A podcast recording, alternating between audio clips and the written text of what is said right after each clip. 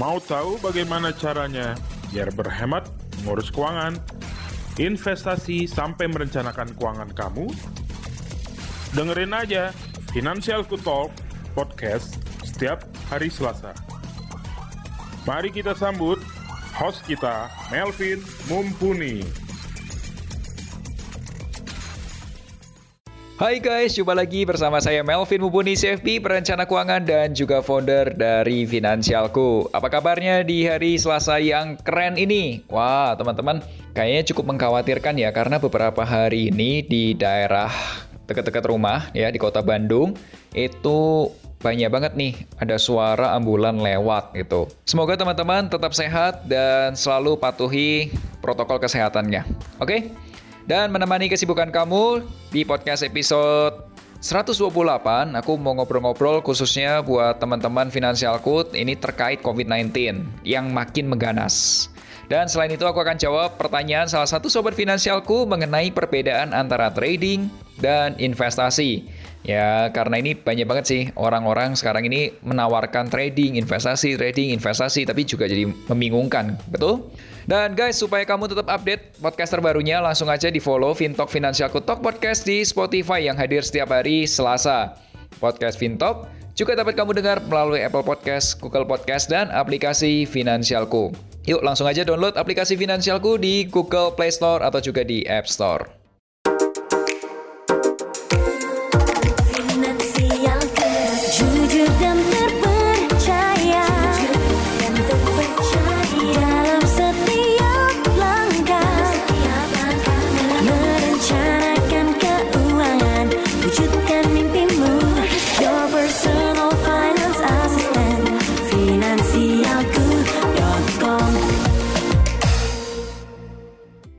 Sebelum bahas lebih detail, Sobat Finansialku juga dapat mengirimkan pertanyaan atau curhat keuangan melalui fitur konsultasi keuangan di aplikasi Finansialku dan kasih juga hashtagnya, hashtag curhat keuangan. Salah satu pertanyaan yang masuk kali ini adalah, Hai Kak Melvin, saya LT, saya salah satu pendengar setiap podcast Fintalk dan juga follower kakak di Instagram. Saya ini masih bingung kak dengan istilah trading dan investasi karena banyak banget nih akun yang membahasnya. Lalu apa bedanya perdagangan mata uang, emas, saham, dan cryptocurrency, Kak? Oke. okay. Semoga bisa dijelaskan. Thank you ya, Kak. Hashtagnya, let me share my view. Hai KLT, thank you ya udah dengerin dan curhat di podcastnya Fintalk. Jadi gini KLT, sebenarnya lebih enak nih kalau aku tuh jelasin semuanya ini lewat video karena materinya atau pertanyaannya ini bagus banget dan harus dijawab dengan lebih dalam. Tapi aku coba jelasin pelan-pelan via podcast ini ya. Semoga bisa menjawab. Trading atau orang-orang kenalnya dengan istilah trader gitu ya. Kita jawab dulu tentang trading. Trading itu berasal dari kata trade. Yang dalam bahasa Indonesia artinya adalah berdagang. Orang yang melakukan kegiatan berdagang itu disebut pedagang.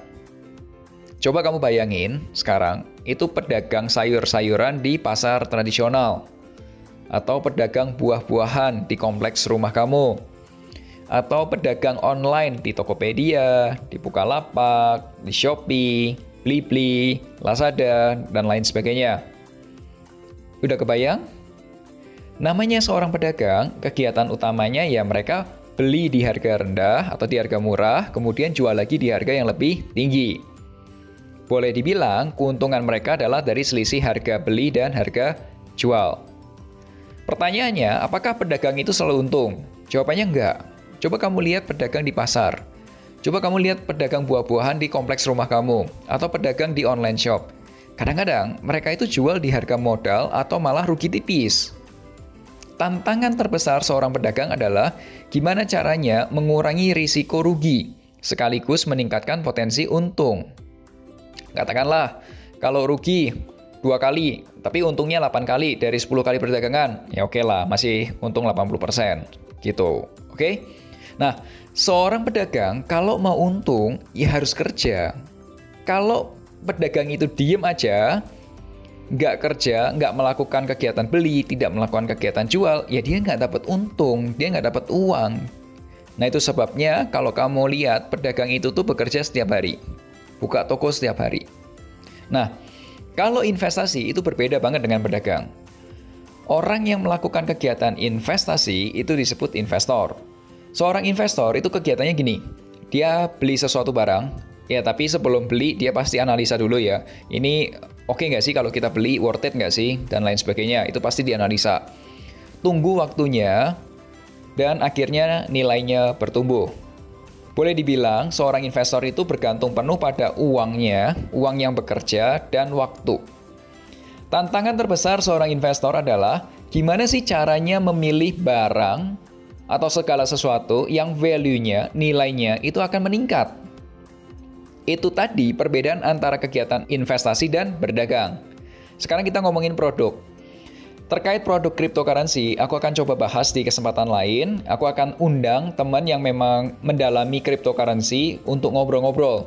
Karena kalau aku yang ngomong sendiri kayaknya kurang fair karena aku against dengan cryptocurrency. Nanti aku akan cari temanku yang pro dengan cryptocurrency supaya diskusi kita bisa saling menguatkan. Oke? Okay? Nah, aku ceritain dulu mengenai forex atau perdagangan mata uang. Forex itu foreign exchange, valuta asing, mata uang, mata uang asing. Kemudian ada emas dan saham. Teman-teman, aku mau tanya nih. Apakah kamu pernah mendengar orang berdagang emas? Bayangkan toko emas. Pernah lihat?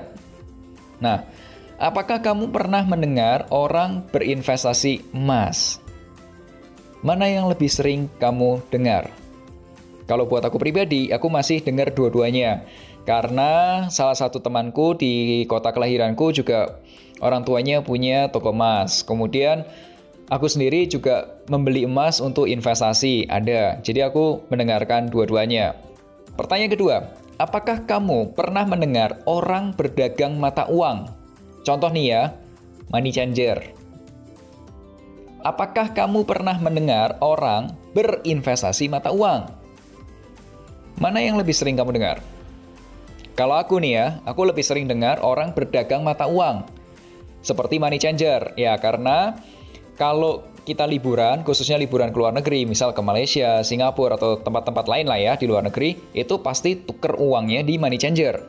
Atau mungkin di bank, ada beberapa yang di bank tapi seringnya di money changer. Betul? Nah, teman-teman, yang ketiga, ngomongin saham. Saham itu kan kepemilikan perusahaan, ya. Apakah kamu pernah mendengar orang berdagang perusahaan, semacam private equity, M&A consultant, dan lain sebagainya? Apakah kamu pernah mendengar orang berinvestasi di perusahaan? Misal, investasi di kafe, ya, kopi-kopian. Ada ada investasi di bisnis laundry dan lain sebagainya. Nah, mana yang lebih sering kamu dengar? Kalau aku pribadi, aku lebih sering dengar investasi di perusahaan daripada berdagang atau membeli jual beli perusahaan. Nah, menurutku, secara alamiahnya ada barang-barang atau aset atau apa pun itu yang bisa atau cocok diperdagangkan, dijual belikan, ditradingkan. Contoh, hasil bumi, mata uang, kontrak perdagangan, dan lain sebagainya. Dan memang ada juga yang secara alami itu tuh sifatnya buy, beli, dan pegangin atau hold, buy and hold. Seperti perusahaan. Nah, semoga penjelasanku ini bisa menjawab kamu. Gini aja, KLT, karena kamu sudah follow Instagramku di @melvin_mumpuni, aku akan coba bikin konten yang bahas ini. Aku belum tahu apakah itu di IG Feeds, atau di IG TV, atau di IG Story, atau malah di Guide. Aku nggak tahu, tapi nanti aku coba bikin kontennya karena materi ini agak dalam. Oke, pertanyaannya bagus. Buat sobat finansialku, para pendengar podcast Fintalk, jika kalian mengalami kegalauan mengenai keuangan, investasi, asuransi, atau apa pun itu, boleh langsung aja curhat ke podcastnya Finansialku. Caranya gampang banget. Pertama, kamu download dulu aplikasi Finansialku di Google Play Store untuk pengguna Android atau App Store untuk pengguna iOS. Nah, kemudian kamu klik menu konsultasi keuangan, kasih hashtag curhat keuangan. Follow juga akun Instagram at financialco_com dan at melvin underscore mumpuni supaya kamu dapat informasi keuangan yang lebih banyak lagi. Oke guys, aku miliki program khusus namanya Melek Finansial bersama Melvin Mumpuni di YouTube channel finansialku.com. Videonya akan tayang setiap hari Rabu dan di episode besok aku akan cerita tentang matematika diskon atau menghitung diskon. Kalau kamu bingung nih ya, lagi buka online food ya, order food, Kemudian kamu lihat nih ada promo yang panjang banget, diskon sekian, maksimal sekian, minimal pembelian sekian. Nah, itu besok akan ada hitung-hitungannya. Supaya tetap update, subscribe YouTube channel finansialku.com dan nyalakan notifikasinya. Yuk langsung aja kita bahas diskusi kita bersama Robi Kristi.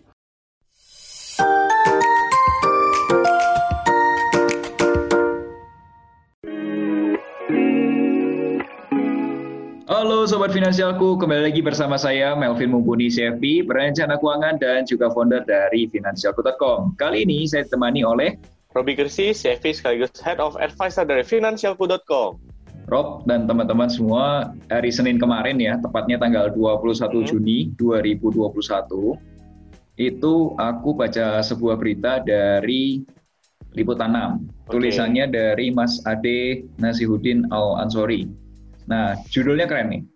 RI harus waspada COVID-19 sebabkan 3.632 anak di India jadi yatim piatu. Nah, kemudian di sini ada satu hal yang menjadi highlight menurutku yaitu gini, Rob. Dampak langsung ini khususnya pada anak-anak yang harus kehilangan ayah atau ibunya yang meninggal karena sakit yang diakibatkan virus corona atau SARS-CoV-2. Profesor Chandra memaparkan ada 3.632 anak di India yang terpaksa menjadi yatim piatu karena kedua orang tuanya meninggal akibat COVID-19. Ini berdasarkan data tanggal 5 Juni 2021. Dan ada 26.176 anak yang kehilangan salah satu orang tuanya karena penyakit ini. Nah, pertanyaanku adalah kayak gini, Rob. Lu nyadar nggak sih? Hmm. Beberapa waktu atau beberapa periode ini tuh ya, kayaknya COVID itu tuh makin makin kenceng gitu. Menurut lu tuh karena COVID-nya yang makin kenceng atau kita yang makin lengah menurut lu? Oke, okay, kemarin kan kita baru aja break all time high ya bro. Ya, hmm. nggak cuma di saham men, break all time high juga ada di rekor uh, COVID kita yang nembus 14.500 sekian tuh Vin. Ya, kasusnya total ya. Udah 1,9 juta loh. Iya, sudah nembus 2 juta kan? 2 juta juga kasus Indonesia secara oh, udah 2 juta ya? rasio, udah 2 juta, udah 2 juta gitu. Jadi ada dua sisi sih, Vin. Kita nggak bisa menyalahkan salah satu elemen aja ya. Ini kesalahan bersama lah, ya kan. Gimana soal proses vaksinasi sendiri, ya kan. Maunya kan cepat kan. Hmm. Pak Ade Jokowi kan menargetkan sehari satu juta gitu, tapi kan faktanya emang nggak bisa secepat itu gitu, satu juta yang divaksin per hari. Terus juga ya tadi uh, beberapa dari kita sudah merasa lengah gitu kan, ada titik lengah lah ya selama ini yang kita akhirnya oh kemarin kan udah turun ya kan, terus beberapa aktivitas juga udah mulai normal karena inilah jadi perpaduan dua inilah yang akhirnya menyebabkan angka naik lagi gitu kan terlepas dari WNA yang masih masuk kemarin-kemarin terus apa di peraturan mudik ya kan ya banyak faktor lah Steven. Jadi ini kita belum bisa menyalahkan cuma salah satu tapi ini jadi renungan buat kita bersama nih. Ya kan kita harus semakin aware kalau COVID itu masih ada gitu kan ya kan. Oke kita punya vaksin tapi bukan berarti itu solusi ya. Jangka pendek. Tetap kita harus tetap melakukan prokes ya kan. Bahkan bukan cuma 3M, 5M, bahkan terakhir udah 6M, Vin udah 6 M bro. Iya udah nambah lagi kan? Gitu. Nah kalau menurut lo nih ya ini kan faktanya mm. nih COVID tuh belum selesai. Oke okay, itu fakta. Nah tapi ada kemungkinan-kemungkinan atau dampak terburuk dari side effect dari COVID ini. Ya mungkin bukan side effect ya, tapi efek yang salah satunya penting Betul. juga gitu yaitu sejelek-jeleknya kalau terjadi meninggal dunia, khususnya di kasus orang tuanya bukan anaknya. Karena kalau orang tuanya meninggal, nanti yang hidupin anaknya siapa? Yang nyekolahin anaknya siapa? Dan lain sebagainya. Nah, kalau menurut lu nih ya, apa sih yang harusnya dilakukan oleh orang tua? Oke yang diperlu dilakukan orang tua adalah perencanaan ya, udah pasti. Dan kita bicara tadi uh, setiap orang tua pasti punya value ekonomik untuk keluarganya, ya kan baik salah satu orang tua yang bekerja atau keduanya yang bekerja, ya kan. Hmm. Nah berarti kalau sampai terjadi resiko salah satu dari mereka tidak mampu lagi bekerja, ya kan karena ya salah satunya uh, meninggal dunia, berarti kan harus ada sesuatu yang diwariskan. Nah pertanyaannya apa yang diwarisin nih? Ya kan apakah itu hutang atau atau itu harta? Ya kan? Hmm. karena kita juga tahu nih lagi kondisi seperti ini juga banyak banget loh yang terkena uh, apa masalah hutang Vin. Ya kan? Bahkan pemerintah sampai memberikan stimulus kan kayak penagihan ya kan? Angsuran bunga dan segala macamnya pun diturunin gitu kan. Karena emang kita lagi berdampak nih lagi pemulihan ya kan? Terus tiba-tiba belum balik tiba-tiba udah mulai lagi kan covid naik lagi gitu. Hmm. nah jadi yang harus diperhatikan salah satunya adalah resiko kehidupan itu kalian mau tanggung sendiri atau mau orang lain yang tanggung. apabila kalian pikir oh ya saya nggak sanggup nih kalau emang bayar sekian gitu kan. Saya nggak punya aset sedemikian besar ya kan untuk diwariskan ya salah satunya adalah asuransi Vin. Udah pasti.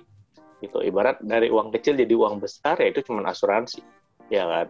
Nah pertanyaannya oke okay, kalau sudah punya apakah cukup apa enggak? Itu pertanyaan yang lanjutan.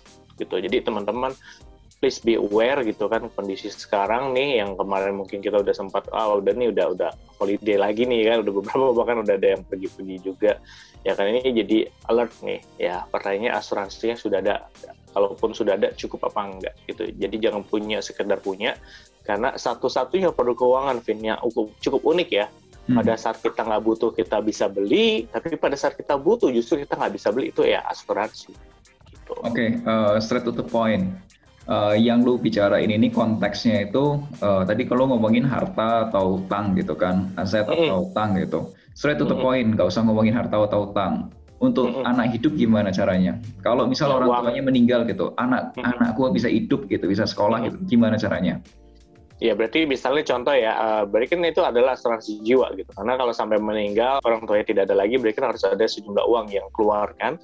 Itulah gunanya asuransi jiwa.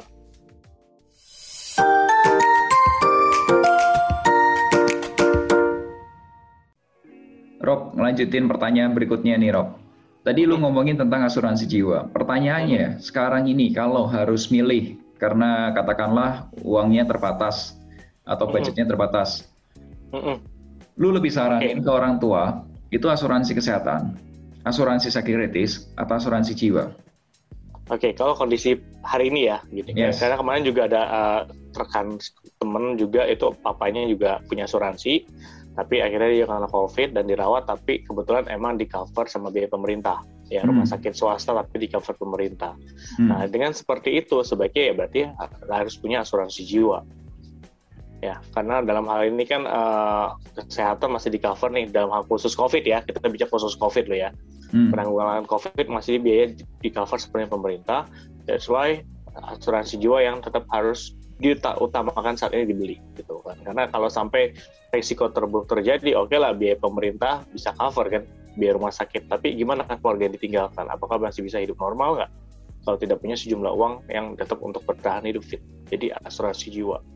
Oke okay, jadi kalau menurut lo lebih baik mendingan punya asuransi jiwa ya kalau konteksnya cuma bicara COVID ya, tapi kalau ditanya nih, kan kita tahu dong resiko COVID kan sebenarnya nggak cuma murni COVID, Vin. Ya kan, sebenarnya kita punya jantung atau punya ya, apa uh, yang lain gitu kan. Apa, apa namanya uh, itu? Penyakit uh, bawaan lah ya. Ya, yang yang yang penyakit yang bisa timbul karena ketika COVID ternyata tiba-tiba ada penyakit ini, penyakit itu gitu. Ya, gitu. Takutnya kan namanya, uh, namanya. Ya, betul. Kalau memang ada budget ya kalau bisa dua-duanya sih asuransi kesehatan dan asuransi jiwa tapi kalau emang uh, kita cuma bicara konteks covid dan itu saat ini cover biayanya dari pemerintah ya harus ada asuransi jiwa Vin. Oke, okay, harus ada asuransi jiwa. Nah, itu mm -mm. berapa jumlah uang pertanggungannya, Rob, kalau ini, Rob? Oke, okay, biasa sih kita simpel aja teman-teman. Jadi kamu punya bisa hitung sendiri ya, sesimpel uh, penghasilan per tahun kalian ya, dan itu berapa misalnya 200 juta, 300 juta ya kan. Nah ini dibagi return on investasi. Jadi uh, berapa sih persentase investasi yang diharapkan ya kan dari uang tersebut. Misalnya nih contoh ya paling simpel. Oh misalnya income per tahun 300 juta, Vin. Contoh ya kan. Terus persentase return yang diharapkan adalah 10% per tahun ya kan? Berarti dari 300 juta dibagi 10% adalah 3 miliar. Nah berarti value ekonomi uh, uang proteksi yang dimiliki orang tersebut minimal 3 miliar. Kenapa? Kalau sampai terjadi kenapa-napa tutup usia dengan orang tersebut keluarganya dapat 3 miliar. Ya 3 miliar ini dimasukin ke instrumen investasi yang bisa menghasilkan 10% per tahun. Itu sama dengan penghasilan uh, orang tua tersebut yang meninggal ya jadi uh, keluarga ditinggalkan tetap bisa hidup dari hasil bunganya bukan dari pokoknya Fit seperti itu. Ya hmm. nanti kalau pertanyaannya wah kak uh, 10% possible nggak sih di saat seperti itu? Ya itulah nanti kenapa kamu perlu menggunakan jasa financial planner di finansialku gitu. Karena kita kan membantu teman-teman mendiversifikasikan aset investasi supaya bisa capai 10% itu seperti apa Eh, Rob, tapi kalau ngomongin tentang tadi lu bilang asuransi jiwa itu kalau anak-anak kan belum bisa terima warisan. Oh iya, gitu. kalau di bawah 17 ya. Ya, kalau nggak punya KTP kan nggak bisa. betul. Nah itu biasa tetap ada uh, ini wali penerima bisa wali itu ya misal kalau salah satu pasangan yang masih ada bisa atau kakek neneknya ya kan dari sisi anaknya kan orang tua dari si tertanggung gitu kan. Hmm, oke. Okay. Atau misalnya kalau nggak ada orang tua ya biasa adik atau kakaknya sih om tantenya dari sisi okay. anak ya itu. Jadi tetap dicari sih ada wali harus. Kalau dalam kasus ini ya, Rob ya, yang mm-hmm. yang perlu punya asuransi jiwa itu papinya atau maminya atau keduanya? Siapa pun yang bekerja sih yang punya penghasilan utama itu yang diprioritasin terlebih dahulu. Misalnya nih contohnya suaminya bekerja di perusahaan ya kan hmm. istrinya bantu uh, ya oke okay lah dia cuman misalnya uh, dagang online shop gitu kan. Hmm. Ya tinggal dilihat mana nih yang lebih besar ya kan itu yang diutamakan terlebih dahulu. Kalau memang ada budgetnya mau beli yang kedua buat pasangannya ya silakan seperti itu. Oke, okay. kalau menurut lu sendiri nih ya Rob ya, based on hmm. practical nih, hmm. mending aku beli yang tradisional gitu dapatnya satu-satu gitu. Katakanlah aku beli asuransi jiwa tradisional satu, terus kalau saya kalau ada budget lagi beli satu lagi yang kesehatan atau mendingan beli yang unit link satu paket gitu, Rob. Nah, ini mesti dihitung lagi, teman-teman. Gitu. Jadi ada beberapa case kalau kamu bisa combine ya mungkin bisa dapat keduanya di unit link dengan premi yang cukup kompetitif ya. Apakah ada kemungkinan daripada beli tradisional satu-satu lebih dapat harga yang oke okay ketika beli unit link gitu? Itu sih, Rob, karena pengalamanku pertama kali punya asuransi unit link itu menurutku harganya fair ya. Kalau di compare sama daripada beli tradisional satu-satu-satu aku kumpulin dalam jangka usia waktu aku beli di usia 24-an sampai ke 30 ini aku rasa ya mungkin bukan yang paling murah tapi termasuk yang fair untuk unit yes. link itu. Aku sudah dapat asuransi kesehatan, asuransi jiwa jiwanya masih 200 juta karena pada waktu itu kan aku beli di usia 24 ya Rob ya. Maksudnya belum kepikiran gitu kan. Terus kalau udah berpunya asuransi sakit kritis atau M itu bayar harganya 950 ribu per bulan. Menurutku ya oke okay lah fair lah. 3 in 1 tapi kalau okay. sekarang mungkin di usia aku yang sekarang di 32an gitu mungkin nggak dapat ya harga segitu ya Iya, kalau termasuk kesehatan yang sudah tipe kamar sih udah pasti lebih besar, Spin. Udah lebih di atas sejutaan ya udah pasti ya. Hmm. Gitu.